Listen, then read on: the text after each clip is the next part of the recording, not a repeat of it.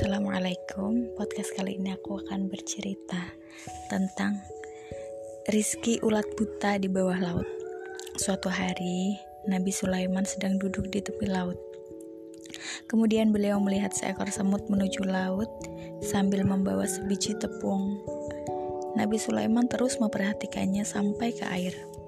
Sesampainya di air, ada seekor katak yang keluar dari dalam air sambil membuka mulutnya dan masuklah semut tersebut ke dalam mulut si katak.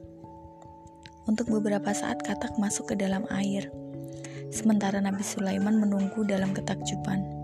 Tak lama kemudian keluarlah si katak dari dalam air dan membuka mulutnya, lalu si semut pun keluar dan dan tak tampak lagi biji tepung bersamanya.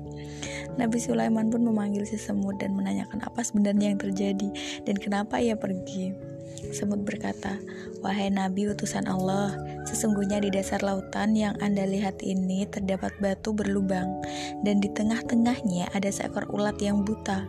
Dan Allah menciptakannya di dalam batu itu, tetapi ia tak bisa keluar dari batu itu untuk mencari makan.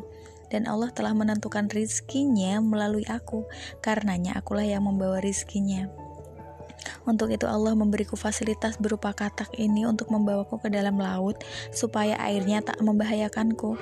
Sesampainya di dalam laut, katak itu meletakkan mulutnya di batas lubang batu dan aku pun segera memasukkan biji tepung itu. Lalu jika telah kusampaikan rizki itu kepada si ulat, aku keluar dari lubang batu untuk masuk kembali ke dalam mulut si katak, dan setelah itu ia mengeluarkanku dari laut. Nabi Sulaiman bertanya, "Apakah kau mendengar tasbihnya?" Semut itu menjawab, "Iya." Dia mengucapkan, "Wahai Zat yang tidak melupakanku untuk mengantarkan rizkinya di dalam lubang batu di dasar lautan. Demi rahmatmu, janganlah kau lupakan hamba-hambamu yang beriman." Demikianlah Tuhan yang tak lupa kepada ulat yang buta di dalam lubang batu cadas dan di dasar lautan. Bagaimana mungkin? Lupa kepada manusia yang beriman.